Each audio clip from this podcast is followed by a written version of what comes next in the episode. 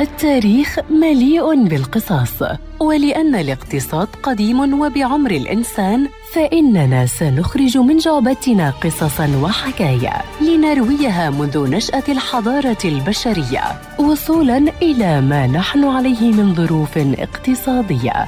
في بودكاست تاريخ الاقتصاد مع المدون الاقتصادي مجد النوري عبر إذاعة أجيال ومنصاتها المختلفة.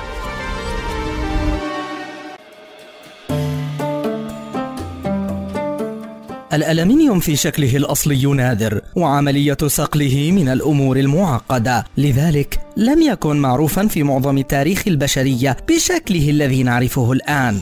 ولكنه كمركب خام معروف منذ القرن الخامس قبل الميلاد. ولكن خلال العصور الوسطى تم اعتباره ملحا للأرض. ولكن وفي عام 1852 تم الإعلان عن اكتشاف هذا المعدن من قبل الفيزيائي الدنماركي هانزي كريستيان أورستيد والذي أكمل عمله الكيميائي الألماني فريدريتش فولر. وتخيل معي أن سعر الألمنيوم تجاوز آنذاك. سعر الذهب لأن التنقيب عنه صعب واستخدامه كان غير شائع ليتاح بعد عام 1884 للجميع وليخرج بصورته التي نعرفها اليوم من خلال العالم النمساوي الكيميائي جوزيف باير عام 1889 بعملية تستخدم حتى يومنا الحالي.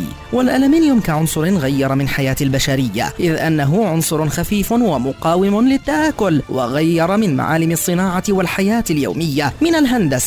للبناء بل كان يعد عنصرا وركنا اساسيا للأطراف المتقاتلة في الحربين العالميتين الأولى والثانية. ومع الحداثة المتسارعة التي انطلقت منذ خمسينيات القرن الماضي وحتى يومنا انتقل الالمنيوم كصناعة من الدول المتقدمة للبلدان النامية والتي أصبحت الصين صاحبة الحصة الأكبر فيها. بل إن إنتاج الالمنيوم وحده يفوق ويتجاوز إنتاج كافة المعادن غير الحديدية الأخرى. وبقيمه سوقية تعد منخفضة مقارنة بالحديد مثلا حيث تقدر القيمة السوقية لسوق الألمنيوم العالمي 175 مليار دولار أمريكي فقط.